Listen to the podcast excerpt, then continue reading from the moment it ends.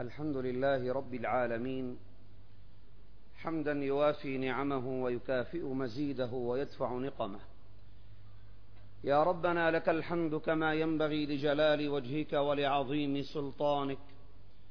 سبحانك لا نحصي ثناء عليك أنت كما أثنيت على نفسك. اللهم لك الحمد حمدا خالدا مع خلودك ولك الحمد حمدا لا منتهى له دون علمك. ولك الحمد حمدا لا منتهى له دون مشيئتك. ولك الحمد حمدا لا أجر لقائله إلا رضاك. يا ربنا لك الحمد ملء السماوات وملء الأرض وملء ما بينهما وملء ما شئت من شيء بعد.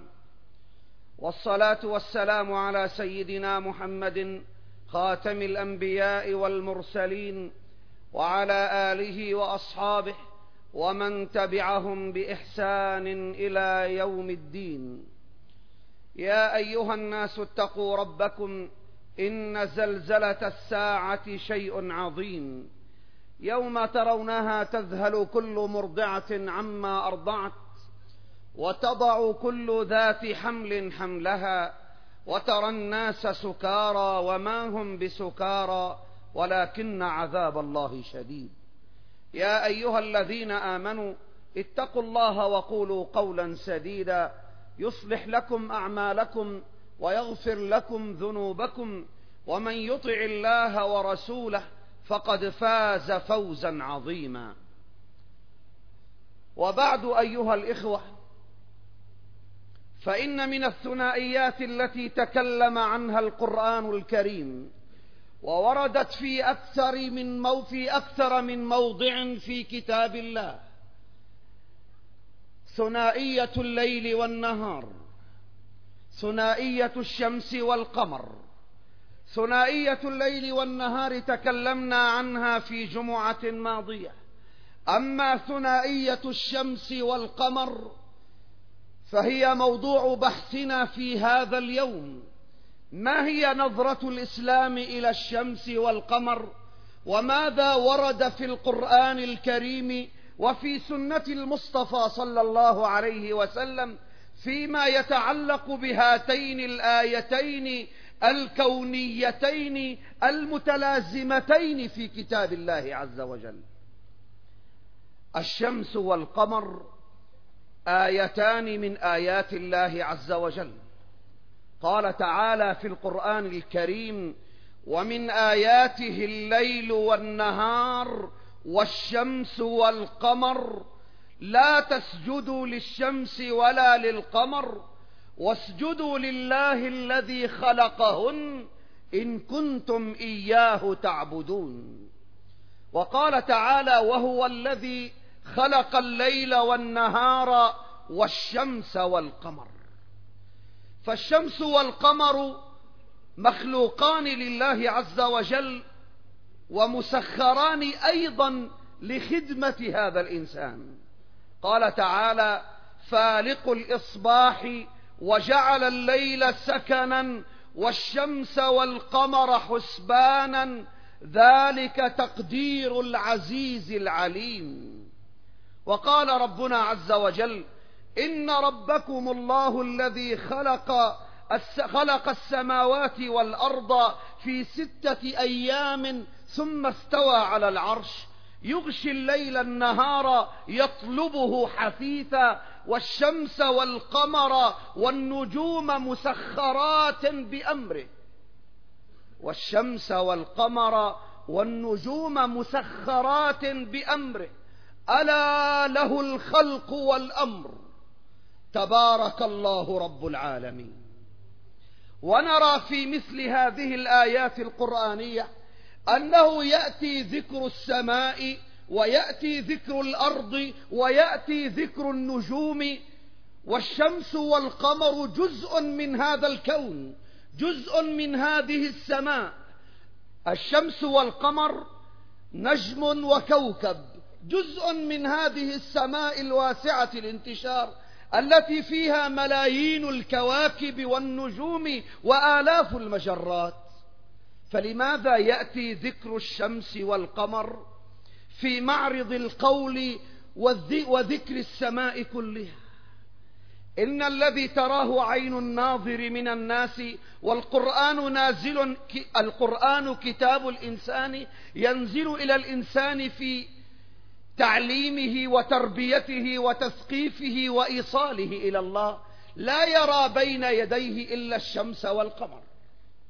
فذكر الله عز وجل خصوصية الشمس والقمر ولو ذكر أسماء أخرى في الكون من أسماء نجوم سماها العلماء الآن أو سماها العرب قديما لما رآها الإنسان بعينيه أحيانا ونظر فلا يرى آثار هذه النجوم ولا يرى آثار هذه النجوم على الأرض لكنه يرى أثر الشمس ويرى أثر القمر بعينيه فخص الله عز وجل الشمس والقمر بذكر خاص في سم فيما سماه العلماء عطف الخاص على العام السماوات عامة عطف الشمس والقمر من باب عطف الخاص على العام للإشارة إلى هذين النجمين إلى النجم والكوكب بصورة واضحة.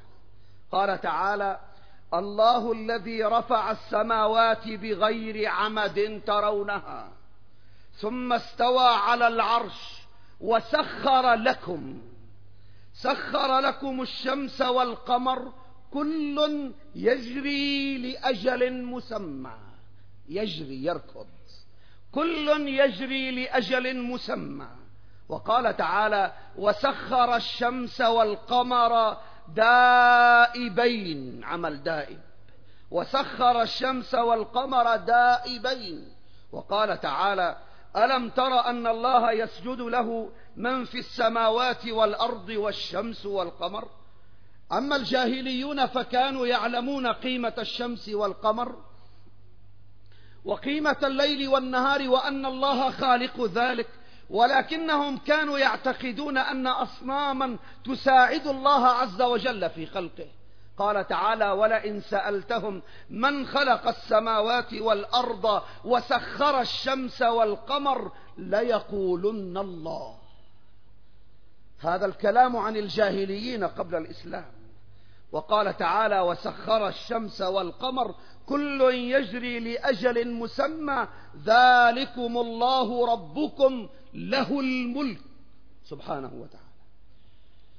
وقبل أن آتي على تفاصيل الموضوع فيما يتعلق بالشمس والقمر رجعت إلى بعض البحوث إلى بعض الكتب العلمية المتعلقة بالفلك لآتيكم شيئا لأعرض عليكم شيئا من أخبار الشمس وشيئا من أخبار القمر فيما يراه علماء الفلك.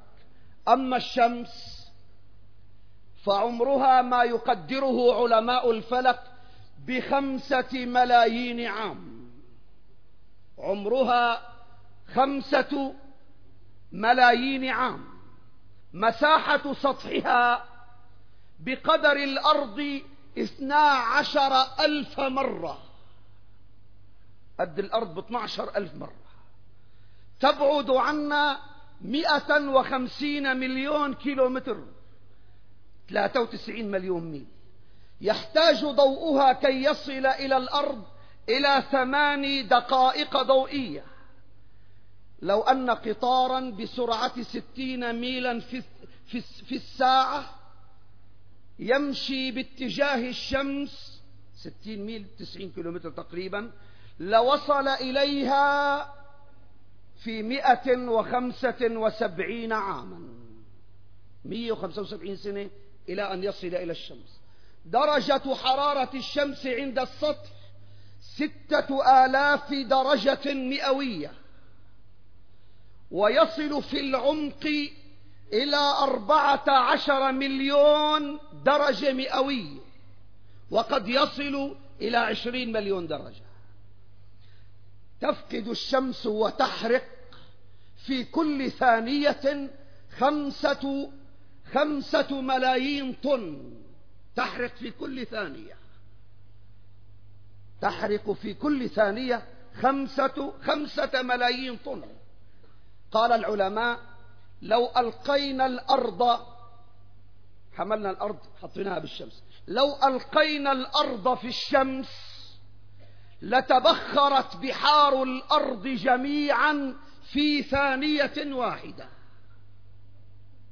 تبخرت البحار كلها في ثانية واحدة.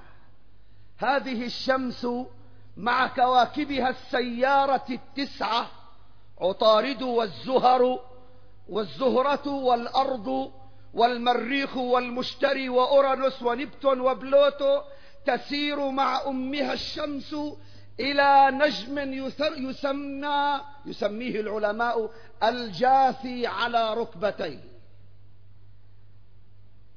تسير إلى نجم يسمى الجاثي على ركبتيه. قال تعالى والشمس تجري لمستقر لها ذلك تقدير العزيز العليم. هذه معلومات عن الشمس على ذمة علماء الفلك. أما القرآن الكريم فلقد أخبرنا أن أناسا في الماضي اغتروا بالشمس فجعلوها إلها يعبد من دون الله. فعبدوا الشمس. وقد قال القرآن الكريم في سورة النمل رواية عن سليمان الملك الصالح عليه صلوات الله وسلامه.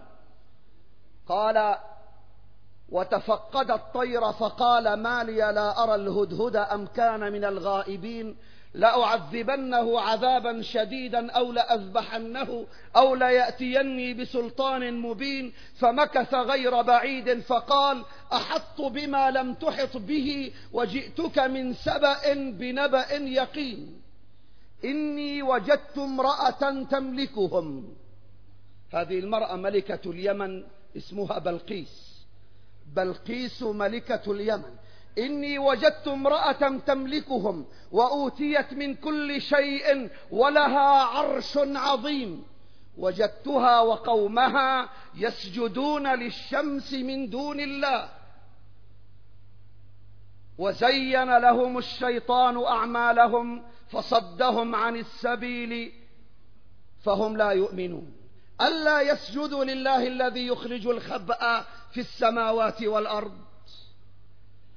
إذا هذه الملكة مع قومها كانوا فيما يسمى الآن بالمجوس وقديما والمجوس يعبدون عندهم إلهان إله اسمه إله النور وإله اسمه إله الظلمة وكانوا يعبدون الشمس باعتبارها إله النور. المجوس يعبدون الشمس وجدتها وقومها يسجدون للشمس من دون الله. وزين لهم الشيطان أعمالهم فصدهم عن السبيل فهم لا يهتدون. وحكاية عن سيدنا إبراهيم في سورة الأنعام لما أتى مقنعا قومه بوحدانية الله عز وجل وأن ما في الكون خاضعا لله سبحانه وأن ما في الكون خاضع لله عز وجل. قال فلما رأى الشمس فلما رأى القمر بازغا قال هذا ربي يعني هذا ربي بزعمكم مثل ما أنتم بتقولوا. فلما أفل قال لا أحب الآفلين وين راح الأمر؟ فلما رأى الشمس بازغة قال هذا ربي هذا أكبر. فلما أفلت قال يا قوم إني بريء مما تشركون. إني وجهت وجهي للذي فطر السماوات والأرض حنيفا وما أنا من المشركين. ولذلك قال ربنا سبحانه رادا على هؤلاء الذين يعبدون الشمس ألم ترى أن الآية في سورة الحج ألم ترى أن الله يسجد له من في السماوات ومن في الأرض؟ وأخذ العلماء من هذه الآية لما قال القرآن من ومن في اللغة العربية للعاقل من جاء يعني مو جاء خروف جاء رجل من جاء؟ فمن للعاقل وما لغير العاقل. ولذلك قال العلماء لما قال النبي عليه الصلاة والسلام قال القرآن أنتم وما تعبدون من دون الله حصب جهنم. جاء بعض من الناس فقالوا له يا رسول الله إن الناس عبدوا عيسى ابن مريم والعزير فهل العزير وعيسى ابن مريم داخلين تحت قوله تعالى أنتم وما تعبدون من دون الله؟ فقال النبي للرجل يا هذا ما أجهلك بلغة قومك؟ قال ما ولم يقل من. فإن من للعاقل؟ فقال العلماء في هذه الآية ألم تر أن الله يسجد له من في السماوات ومن في الأرض؟ رأى العلماء من هذه الآية أن هناك مخلوقات في السماء في النجوم والكواكب البعيدة.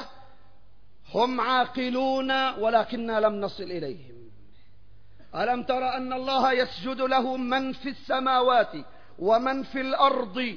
والشمس والقمر والنجوم والجبال والشجر والدواب وكثير من الناس وكثير حق عليه العذاب.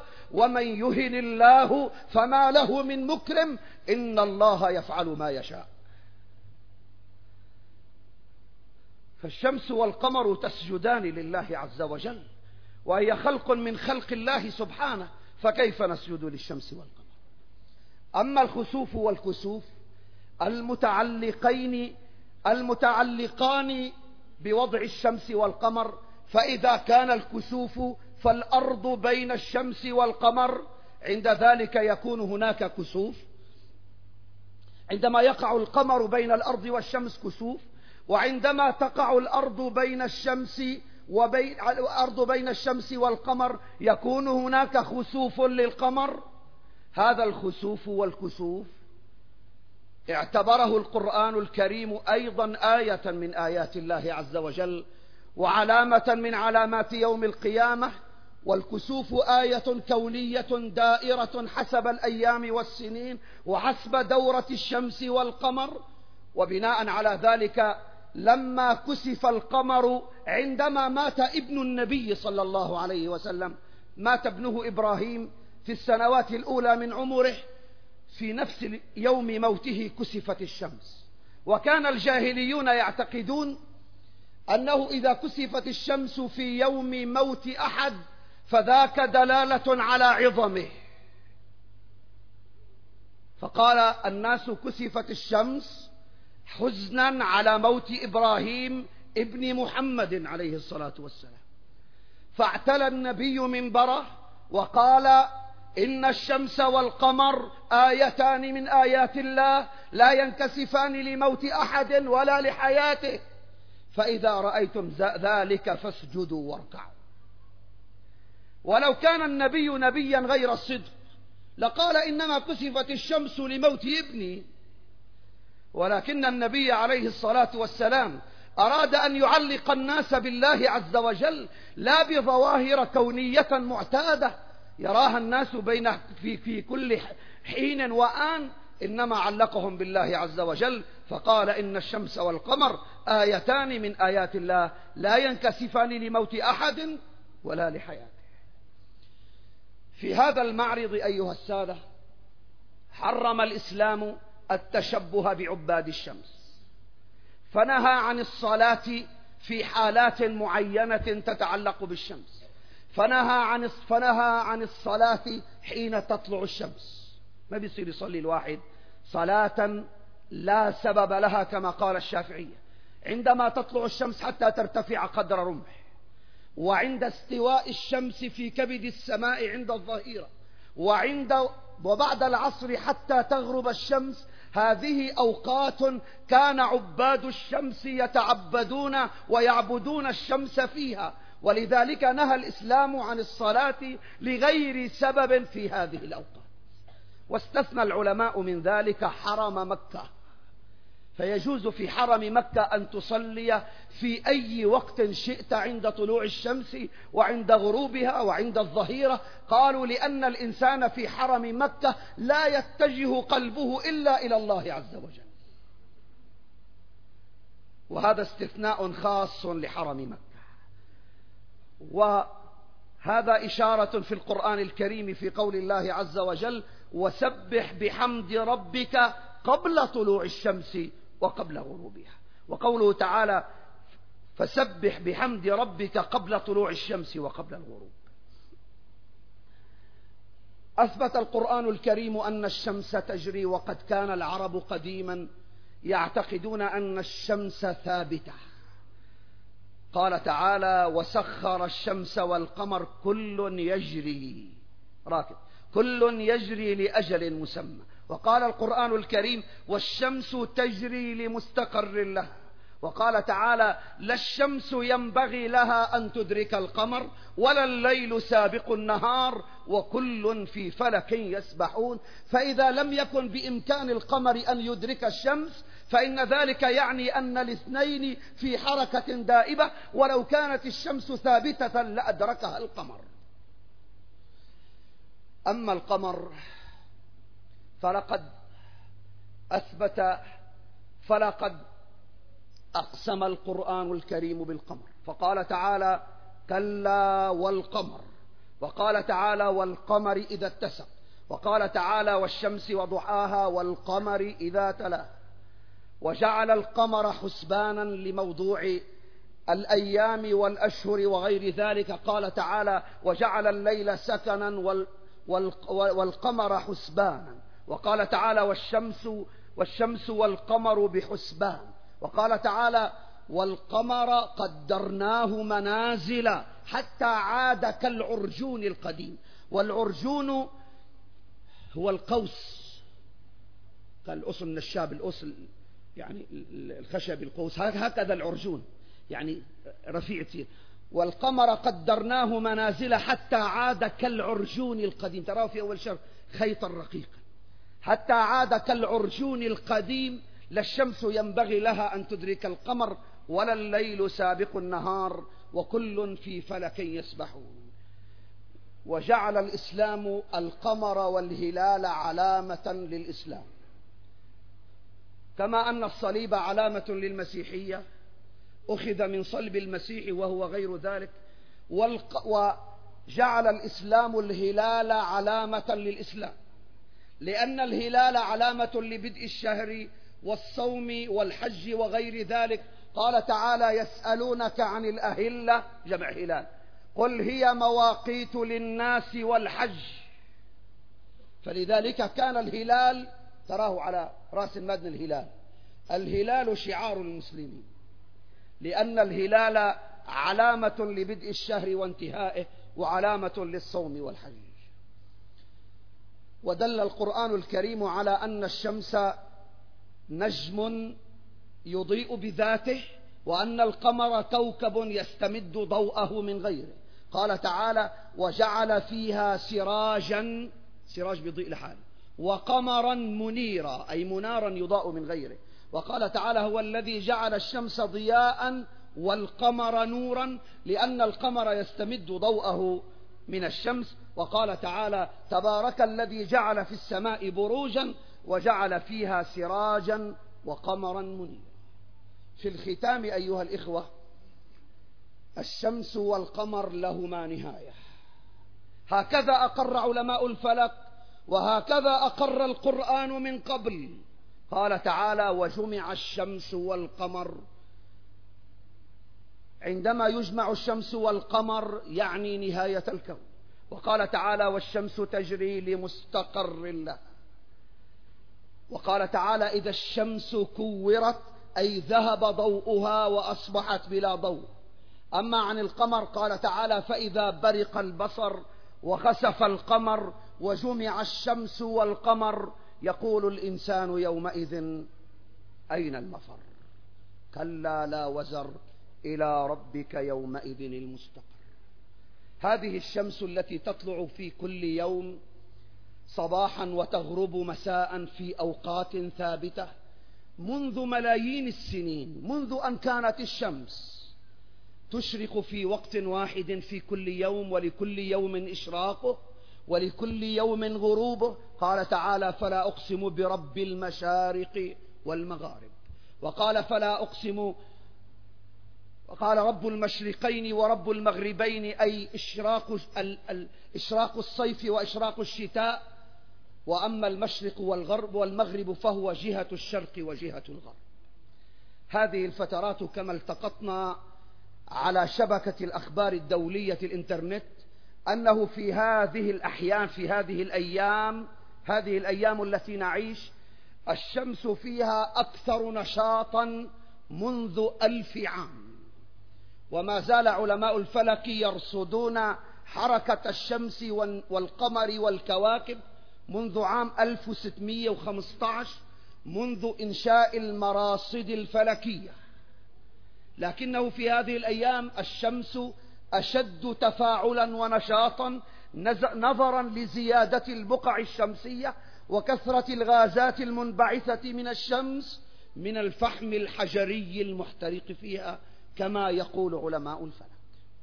في الختام أيها الإخوة علينا أن نلخص ما يلي. أولا الشمس والقمر آيتان من آيات الله عز وجل. يحتاج ذلك منا إلى تفكر في أن الشمس تنضج الثمر وتضيء الأرض وتدفئ هذه الأرض أيضا وتقتل الحشرات وما إلى ذلك من منافع في الشمس. ثانيا علاقة الإنسان مع هذه الأجرام السماوية هي علاقة تكامل لا علاقة تناقض. قال تعالى سخر لكم ما في السماوات وما في الأرض والشمس والشمس والقمر. والشمس والقمر. أما ما يحدث من أمور تتعلق بالشمس والقمر من نجوم من من خسوف وكسوف فإن ذلك يدفع الإنسان إلى اللجوء إلى الله سبحانه وتعالى وأن يلتجئ إلى خالق الشمس والقمر لأن الشمس تسجد لله لا كما أسجد أنا وأنت أي أنها تخضع لأوامر الله عز وجل والقمر أيضا يخضع لأوامر الله سبحانه وتعالى. وما لتأثير القمر من جاذبية على الأرض وعلاقة بالمد والجزر فالقمر يبعد عن الأرض مئتين وأربعين ألف ميل. لو اقترب إلى ستين ألف ميل لزاد الجزر في البحر بدو الجزر ولا غرق العالم كله بالماء نتيجة اقتراب القمر من الأرض ثلاثة أرباع المسافة التي هو فيها. لو اقترب 180 ألف ميل وبقي 60 لغرقت الأرض جميعا بالمياه نظرا لزيادة المد نظرا لزيادة المد على هذه البحار تغرق الأرض كلها نتيجة لقرب هذا القمر من الأرض. آية من آيات الله آيتان من آيات الله يحتاجان إلى تفكير. كررهما القرآن الكريم في أكثر من موطن. نسأل الله سبحانه وتعالى أن يعلمنا ما ينفعنا وأن يجعلنا من الذين يستمعون القول فيتبعون أحسنه. أقول قولي هذا وأستغفر الله.